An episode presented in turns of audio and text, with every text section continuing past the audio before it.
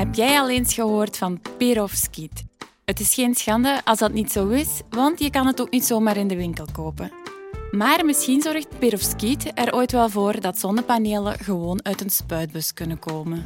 Perovskiet, dat zegt mij helemaal niks, maar jou hopelijk wel. Hallo Aslian Babajit. Hallo. Jij bent materiaalkundige en van jou gaan we dus snel te weten komen. Hou ons niet langer in spanning en vertel ons hoe je zo'n gigantisch zonnepaneel ooit in een spuitbus wil krijgen. Dit is de Universiteit van Vlaanderen.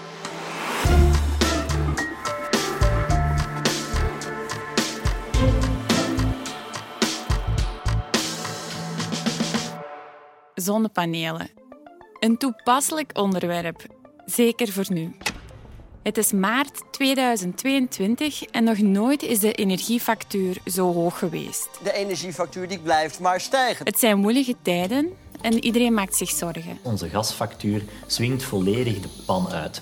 Laatst waren de energiefacturen gemiddeld 36% duurder dan afgelopen december. De oorlog tussen Rusland en Oekraïne heeft inmiddels een extra impact op de situatie. In de tussentijd, hoe trieste de omstandigheden ook zijn, blijven we nog steeds fossiele brandstoffen gebruiken. Onze ecologische voetafdruk blijft alsmaar toenemen en de aarde blijft verder opwarmen. De klimaatverandering is echt voor degenen die nog twijfelen en we maken ze op dit moment ook mee. Elk jaar dat voorbij gaat, zien en voelen we de gevolgen steeds meer. Vanuit een energiestandpunt hebben we dus echt nood aan duurzame en kostefficiënte alternatieven. En het gebruik van zonne-energie kan echt een verschil maken. De zon is er en ze schijnt voor iedereen. Op sommige dagen en plaatsen wat meer dan andere, maar we kunnen stellen dat de zon niet snel gaat verdwijnen en er nog miljarden jaren zal zijn. Op zo'n 150 miljoen kilometer van de aarde straalt deze ster continu een overvloedige hoeveelheid warmte en licht naar ons toe, in de vorm van wat we noemen fotonen. De energie van deze elementaire deeltjes, deze fotonen waaruit het zonlicht bestaat, komt neer op een 173.000 terawatt. Dat zijn biljoenen watts die continu op de aarde invallen. Of nog een beter referentiepunt is een ledlampje, die vrijwel in elk huis kan worden teruggevonden en die verbruikt elektriciteit aan een vermogen van maar 5 à 7 watt. Met andere woorden wordt het snel duidelijk dat de zon ons kan voorzien van meer dan voldoende energie. We kunnen deze zonne-energie als het ware oogsten en omzetten naar een meer bruikbare vorm van energie, namelijk een vorm van energie die we dagelijks nodig hebben, zoals elektriciteit. Om onze gsm's mee op te laden of de stofzuiger te doen werken. En dat dat kan door gebruik te maken van zonnepanelen, die we ook wel fotovoltaïsche panelen of afgekort PV-panelen noemen. En daar, daar zie je er tegenwoordig al wel wat meer van liggen op daken. Nu, om het interessanter te maken, kan je een zonne-installatie of PV-installatie combineren met een batterijinstallatie. Ik zie je al het hoofd schudden en denken van en nog meer kosten maken. Waarom? Wel, dat maakt dat je energie die je oogst, maar niet gebruikt, kan opslagen voor een later verbruik. Dus met andere woorden, op momenten wanneer de zon niet of minder schijnt, typisch s'avonds, wanneer de meeste mensen net thuiskomen van een lange dag werken, kan jij beroep doen op je opgeslagen duurzame energie. Als je daar even bij stilstaat, dan wil dat eigenlijk gewoon zeggen dat de stroom die je huis binnenkomt via een ingewikkeld netwerk van spanningskabels simpelweg niet meer nodig is. Want jij, jij kan zelfstandig energie opwekken en opslagen voor je eigen gebruik. En dat volledig hernieuwbaar. Dus met andere woorden, zou nu iedereen zonne-energie gebruiken en hun eigen energie kunnen genereren en kunnen opslaan, dan zouden we alle onafhankelijk kunnen worden van energieproducenten en energieleveranciers. Wetende dat er ook zonneboilers bestaan als duurzame alternatieven voor aardgas, wil het dus eigenlijk zeggen dat we niet langer afhankelijk zijn van het huidige energienet dat energie tot aan onze voordeur brengt. Nee, Onafhankelijk van waar jij woont, zou je kostefficiënt en volledig duurzaam, losgekoppeld van het energiegrid, je eigen energiebehoeften kunnen voorzien. En deze manier van leven, dat is in mijn ogen gewoon de toekomst. We refereren hier ook naar als off-grid gaan. En je vraagt je nu ongetwijfeld af: ja, maar er zijn toch al zonnepanelen? Waarom doet niet iedereen dit als dit de toekomst is? Wel, het antwoord daarop is heel simpel. Uiteindelijk komt het allemaal neer op de kostprijs. Mensen willen het meeste uit een investering halen en dat is begrijpelijk. Ondanks dat zonne-energie momenteel goedkoper is dan fossiele brandstoffen, en ja, goedkoper, blijft het financieel toch nog niet zo interessant om af te stappen van fossiele brandstoffen. Ik geef toe, dat is inderdaad wat tegenstrijdig, maar om dat wat meer te verduidelijken, is het belangrijk te beseffen hoe zwaar we geïnvesteerd zijn in fossiele brandstoffen. De centrales, het energiebeleid en de energieinfrastructuur. Al deze dingen staan gewoon te sterk in het voordeel van het gebruik van deze eindige brandstoffen. Met andere woorden is het opbouwen van duurzame energiebronnen voor nieuwe energiecapaciteiten daarom financieel onaantrekkelijk. Want het blijft voordeliger extra capaciteit toe te voegen aan een bestaande faciliteit van fossiele brandstoffen. We noemen dit ook wel het lock-in effect. Er zijn als het ware duurzame alternatieven, maar we blijven opgesloten in het oude energiesysteem omdat die geen zware herinvestering vereist. Wanneer we deze situatie nu bekijken vanuit het standpunt van de doorsnee particulier, kom je al snel tot de realisatie dat de initiële kapitaalkost die nodig is voor een PV-installatie erg hoog is in vergelijking met het verder gebruik van fossiele brandstoffen. De doorsnee burger kan dat soort investeringen, wat al snel vergelijkbaar is met een nieuwe wagen, niet zomaar aan naast al een hypothecaire lening en andere financiële lasten. Er is een positief rendement op je investering, dat wel, maar die is er pas in de toekomst, pas na verschillende jaren. Met andere woorden, is die veel te traag voor een doorsnee huishouden om eigenaar te zijn van een PV-installatie. Maar wat maakt die PV-installatie dan nog duur, hoor ik jullie je afvragen. Wel, voor alle duidelijkheid, een PV-installatie is veel meer dan enkel zonnepanelen.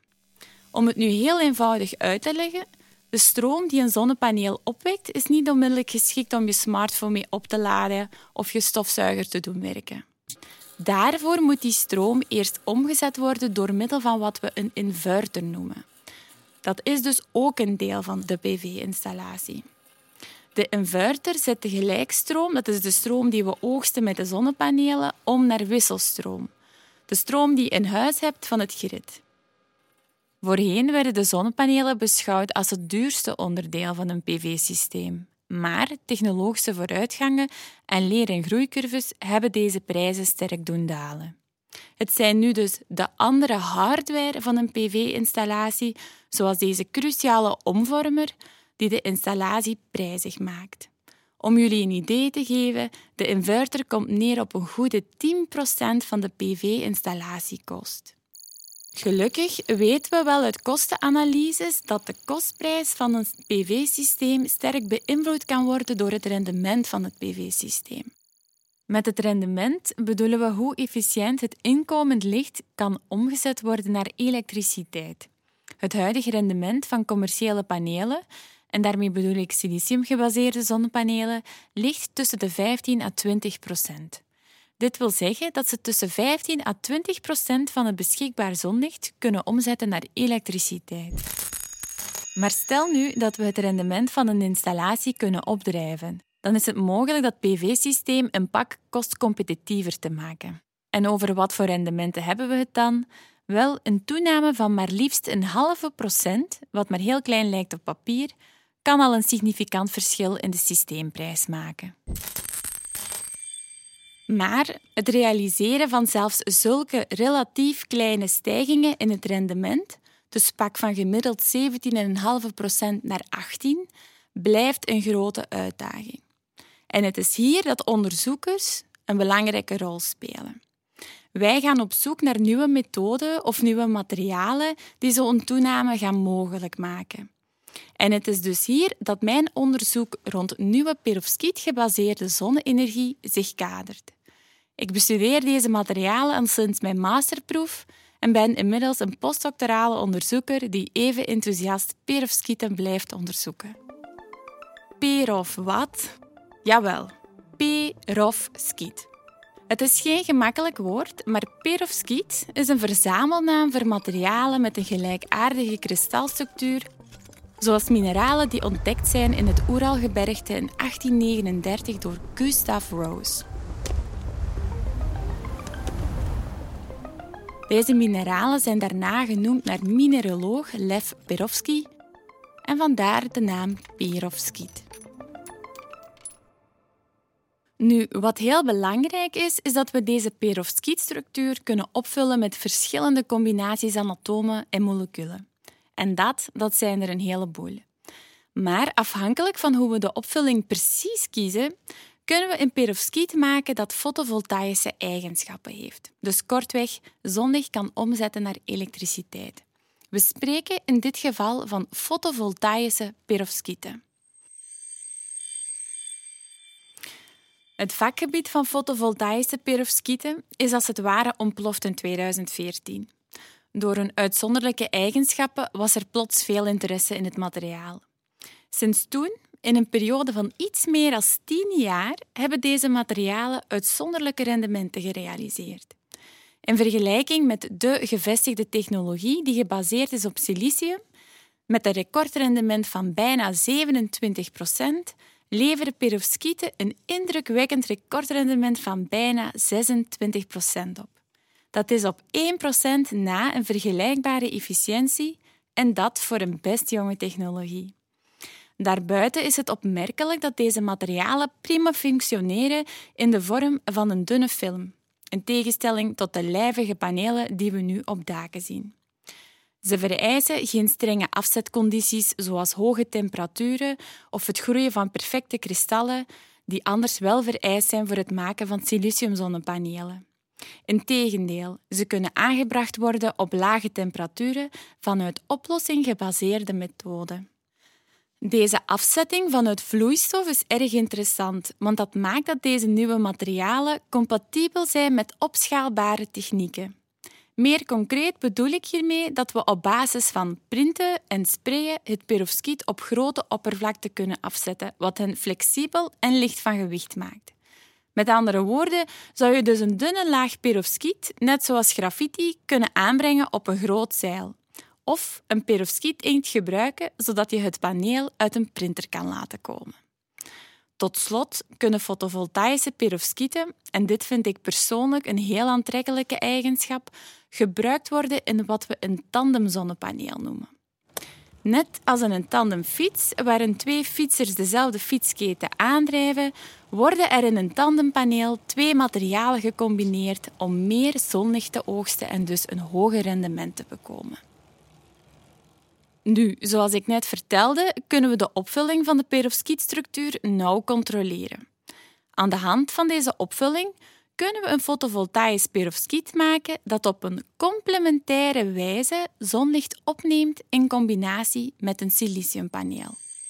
Wat we een perovskiet-silicium tandem noemen, is dus een zeer beloftevolle manier om het paneelrendement op te drijven en het PV-systeem nog kostefficiënter te maken. Inmiddels kunnen deze tandemstructuren op laboschaal een recordrendement van bijna 30% bekomen. En dat, dat is heel veel. Je vraagt je dan ongetwijfeld af, zo'n geweldig materiaal, maar waarom is het er dan nog niet? Wel, daar zijn een aantal redenen voor. In de eerste plaats zijn al die spectaculaire resultaten enkel behaald op laboschaal en gaat het dus om kleine zonnecellen in de plaats van zonnepanelen. Dat zijn oppervlakten in de orde van vierkante centimeter in de plaats van vierkante meters. Wat we ook moeten opmerken is dat fotovoltaïsche perovskieten gevoelig zijn aan omgevingsfactoren, zoals zuurstof, vocht en hoge temperaturen. Dit maakt dat de atmosfeer rondom ons en ook kleine temperatuurfluctuaties hun stabiliteit sterk kunnen beïnvloeden. Tot slot bevatten de meeste typische perovskieten met een hoog rendement nog steeds het metaal lood. En dit, dit is erg zorgwekkend, want zelfs kleine hoeveelheden van dit zware metaal zijn erg toxisch. Dus zonder al te veel in detail te zijn gegaan, wordt het snel duidelijk dat er nog tal van kritische ontwikkelingen nodig zijn om deze technologie te commercialiseren. In deze context wil ik ook even nuanceren dat dit vakgebied nog erg jong is. Tien jaar in ontwikkeling lijkt misschien al lang voor de buitenwereld, maar in de onderzoekswereld staat deze technologie echt nog in haar kinderschoenen.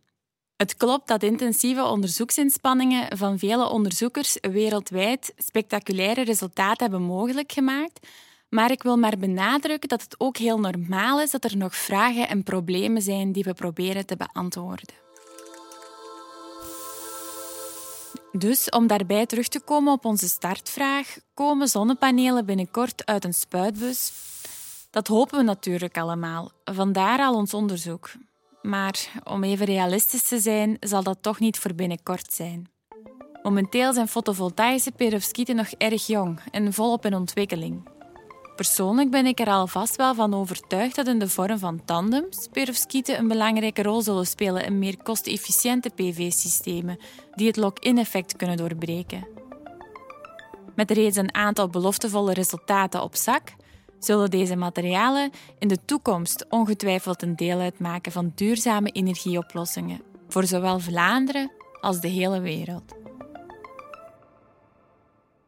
Dankjewel Aslihan voor die uh, kennismaking met de perovskieten. Voor uh, velen, zo niet voor iedereen, een nieuw concept. Uh, kan je ons misschien nog iets meer vertellen over die materialen? Waar vinden we die? Hoe zien die eruit? Is dat iets dat uit een mijn komt? Kunnen we die zelf maken? Je kunt dat eigenlijk vergelijken met een heel, heel dun stukje zwart plakband. Zo flexibel Um, hoogkristallijne materialen die zien eruit van boven als een spiegel. En waarom zwart? Omdat dat eigenlijk een heel groot deel van het zonlicht absorbeert. En zoals ik het daarnet had over de tandems, om complementaire absorptie van het zonlicht te hebben, kunnen we dus de opvulling van de perovskietstructuur aanpassen. En dan zal je zien dat het perovskiet van kleur gaat veranderen. Dus afhankelijk van wat wij eigenlijk willen absorberen, kunnen we het perovskiet wat geler, wat bruiner, wat roder en zo volledig ondoorzichtbaar zwart maken. Zo ziet het er eigenlijk uit. We leven in een wereld die ehm, heel erg alert is voor grondstoffenarmoede. Zijn er genoeg grondstoffen om de wereld vol te leggen met fotovoltaïsche perovskietenpanelen? Ik denk dat dat een hele goede vraag is. Want ja, silicium, dat is nu een heel aardrijk element, dat vind je overal. Maar het is heel moeilijk om de panelen te maken, omdat er heel strenge condities vereist zijn. En er zijn ook andere alternatieve technologieën buiten perovskiet, bijvoorbeeld cadmiumtelluride. In deze technologie gebruiken ze tellurium, wat eigenlijk een heel schaars element is en daar moet veel tijd en moeite in gestoken worden om dat te ontginnen. Perovskiet dat bestaat uit een mengeling van organische componenten en anorganische componenten. Organische componenten die vinden we eigenlijk zo al gemakkelijk rondom ons. De anorganische componenten die in het perovskiet zitten, dat zijn eigenlijk de metalen. En we kunnen gebruik maken van metalen zoals lood, wat ik daarnet al vermeldde, en tin. En dat zijn eigenlijk best aardrijke elementen die we gemakkelijk kunnen vinden op doorsnee gebieden. Ja. Is de productie van een, een perovskiet zonnepaneel uh, milieuvriendelijker op een of andere manier? Of is het, is het moeilijk om die technologie echt groen te maken? In de productie dan bedoel ik. Wanneer we naar de productie kijken, moeten we kijken vooral naar de compositie van het perovskiet. Dus de compositie, omdat er lood in zit, zijn er daardoor natuurlijk al een aantal bezorgdheden. We gebruiken, omdat het van het oplossing is, ook redelijk toxische solventen, omdat loodcomponenten heel slecht oplossen. Maar er worden natuurlijk nu heel veel onderzoeksinspanningen geleverd om af te stappen van dat lood. Buiten het lood, wat een ander voordeel is, en dat heb ik al vermeld, is dat we geen hoge temperaturen nodig hebben om het af te zetten. Dus de energie die wij steken in het proces om het materiaal te maken, is dus eigenlijk ook veel minder. Dus in vergelijking met silicium, wat eigenlijk de marktkoning is nu, kan je wel zeggen dat het een pak milieuvriendelijker is. Ja. Op dit moment is het, is het record van rendement met een siliciumpaneel, dus 27 procent. Uh, en met perovskiet komen we daar in de buurt uh, met 26 procent. Gaat dat ooit 30 of 40 of 50 of 100 worden? 100 zal het nooit niet worden, want er is zelfs voor optimale materialen een fundamentele limiet van zo pak 34 procent. Nu, wat wel interessant is, is dat wanneer we het hebben over tandems, het wel mogelijk wordt om, dat fundamentele, om die fundamentele limiet te overschrijden. Dus daarom dat ik persoonlijk ook zo heel veel belofte zie in perovskiet-silicium tandems of zelfs perovskiet-perovskiet met nog een silicium. Dus in de plaats van een tandem hebben we er eigenlijk nog een fiets erbij, om het zo te zeggen. Dus het is eigenlijk die richting die we kunnen uitgaan om, zoals ik daarnet ook uitlegde, het rendement op te drijven en de installatie nog kostefficiënter te maken. Hoe lang heb ik nog voor mijn klassieke siliciumpaneeltjes uh, oude rommel zijn? Normaal gezien zou je siliciumpaneel gemakkelijk 20, 25 jaar moeten meegaan. Dus ik ga ervan uit dat je ze nog niet zo lang op je dak hebt staan. Maar als je nu vraagt wanneer dat perovskiet op de markt komt, dat is zo moeilijk om te beantwoorden, want we hebben eigenlijk al zoveel en zo snel vooruitgang geboekt dat ik soms denk van het gaat er snel aankomen.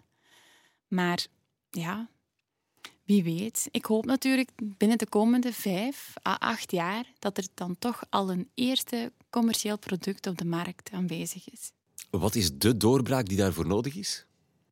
Er zijn eigenlijk twee punten die cruciaal zijn. Het eerste is de stabiliteit van het materiaal en de tweede is de toxische loodinhoud. Als we die twee problemen kunnen oplossen zonder verlies van rendement, dan kan het product veilig op de markt komen. Je voelt in alles de passie die je hebt voor dit onderzoek. Hoe spannend en boeiend is het om aan zo'n jonge, veelbelovende en verstrekkende technologie te mogen werken? Goh, het is eigenlijk heel motiverend, want het is echt een actief vakgebied. Um, soms ben je zelf aan iets aan het werken in het labo. En dan heb je collega's in China of in de VS die daar ook aan aan het werken. En je bent eigenlijk een beetje aan het strijden. Er is competitie, maar dat maakt het ook spannend. Dat geeft ook druk, dat is waar, maar dat maakt het ook spannend. En je voelt ook dat er een soort van...